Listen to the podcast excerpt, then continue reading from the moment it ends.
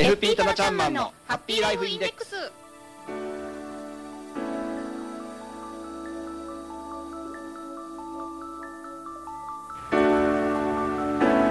FP タナちゃんマンのハッピーライフインデックス。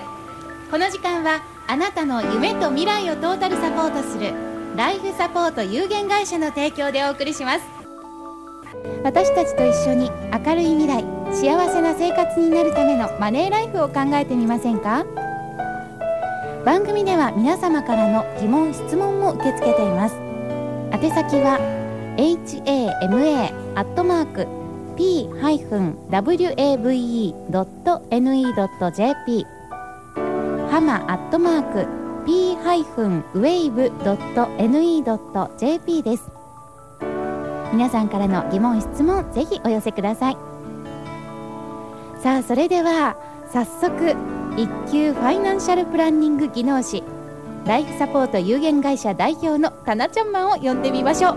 タナちゃんマン。はい、こんにちは、棚橋です。はい今日もよろしくお願いします。こちらこそお願いいたします。いつも笑顔が素敵なタナちゃんマンとお送りしていますけれども、えー毎回テーマを設けまして分かりやすくマネーについてお話を伺っていますが、はい。えー早速今日のテーマはどうでしょうか？はい、今日はですね、えー金融商品の選び方ということで先週お話しさせていただきましたので、金融商品とリスクということでお話をしていきたいと思います。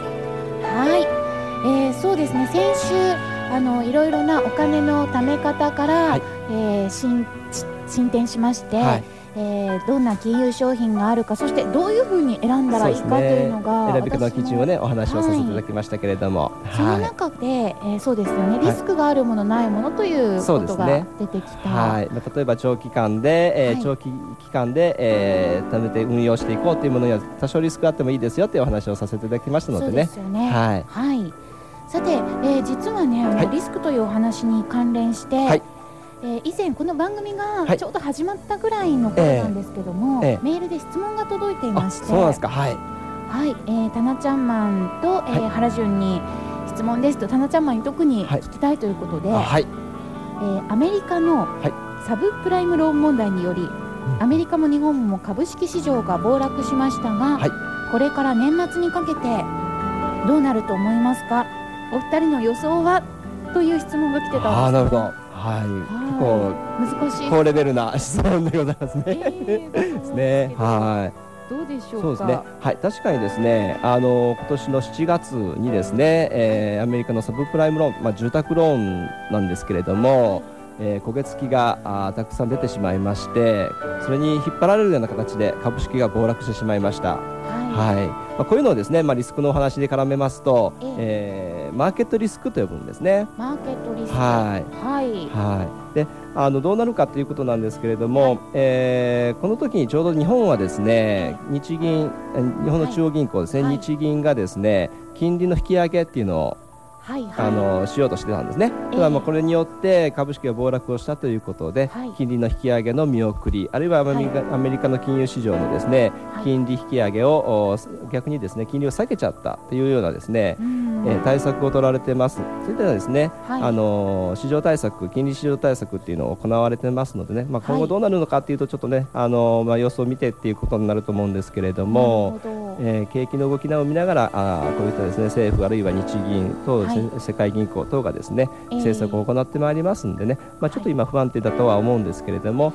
えー将来に向けてはあー安定の方に向かっていくような政策を取られていくんじゃないかなというふうに思います。なるほど。このあの長期的なことではなく短期的な、例えばもうすぐ年末なんですけど、はい。年末にかけてということだとどうそうんですね、短期的にはもうこの不安定な状態がですね続くんではないかなと思いますね。うーん。はいほど。はい。まあ、そうならないためにでもはいですね、そういうリスクというものどんなリスクがあるのかということを踏まえた上でですね、はい。やはりあの運用はしていかないといけないのかなというふうに思います。そうですよね、はえー株などのその商品はやはりちょっとリスクが高い種類そうになるとですね、まあ、短期的に見るとやはりリスクは高いですよね。はい、はい、でその先ほど出ましたマーケットリスクじゃあどんなリスクなのかということなんですけれども、えー今回そのサブプライムローンで株式が暴落したんですけれども、はい。えーそれによって日経平均株価がですね、はい。えー今年のお2月26日にですね年初来高値をつけております。その時のですね、はい。えー日経平均株価225種のですね、はい。えー終値が1万8215円35銭という非常に高い、えーところまで回復をしてたんですね。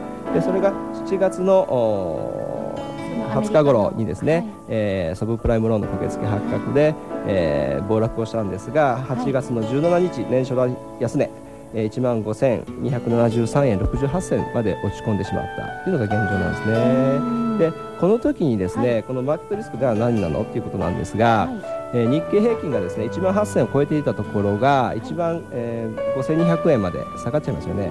でこの時にあの業績が好調であった銘柄例えばそうですね日本でいうとトヨタ自動車なんかはですね、GM 自動車を追い越して世界一の販売台数をいっていうのをね。ねそういったいいニュースが流れたにしてもトヨタ自動車の株価まで下がっちゃってるんですね実は。世界の中で好調な部分の会社企業もも下がっうんそうですね。だからこれこれをですねそはい。のマーケットというのはその金市場市場のことをマーケットと呼ぶんですけれども、マーケット全体が下がったために、はい。好調な会社の株価まで下がってしまう。これをマーケットリスクと呼んでおります。はい、でこれをですねマーケットリスクを被らないためにじゃあどうすればいいのかあるいは他にどういったリスクがあるのかっていうのを踏まえた上で、はい。あの運用していくっていうのは非常に大切なことだということだと思います。はいそれはでもあの好調な会社も下がるというのは、はいもうそれは仕方仕方ない仕方ないですねこれは。はい。防ぎようがないそうですね。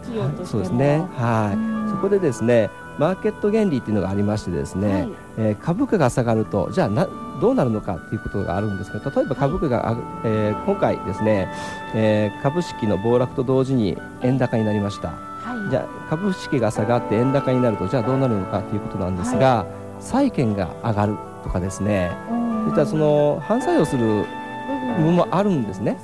はい、そうすじゃあ株式だけではなくて例えば債券を使った運用も少し踏み入れましょうだとかですね。することによってリスクが防げるという形になるんですね。なるほど、はこうでは両方の部分のはい商品を自分のマネーい、そうですね計画。の中に取り入れておくというのがそういうことですね。上級者のそうですね。選び方そうですね。なんでしょうかねはい。ですので、あのファイナンシャルゴールにせに合ったですね、はいポートフォリオって言うんですけれどポもー、トフォリオはい。これどういうそうですね。あの資産をですね、はい分けて持ちましょうっていうことですね。えー例えば、えー半分を株式で半分を債券はいとかですね、えええー、3分の1を預貯金株式債券という3分の1ずつ持つだとかですね、うんそういったような組み合わせることによってはいリスクを分散することができるっていうことなんですね。そうですよね。はうんそれはあの本当に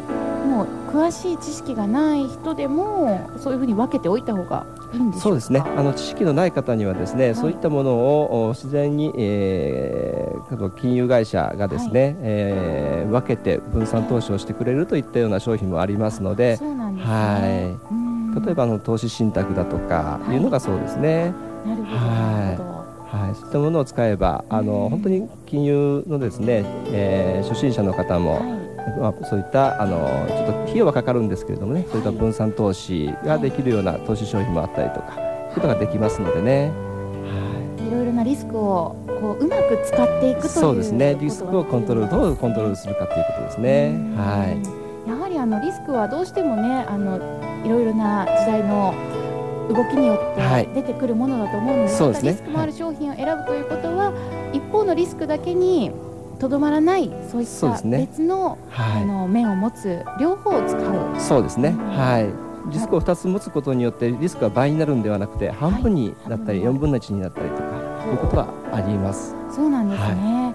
なんだかあのいろいろと知らないままだとリスクというのが怖いなというイメージがあったんですけれども、そこまで詳しく知らない初心者でも、はい。少しこう知識を教えていただけるとそうですね。はい。その足がかりになるような気がしてきました。ああ、そうですか。ありがとうございます。はでは今日はリスクについてお話をいただきましたけれども、はいえータナちゃんマンとしての、はい今日のまとめ格言は、い。格言ですか？そうですね。えーリスクは、えー一つのリスクにとどめないっていうことですよね。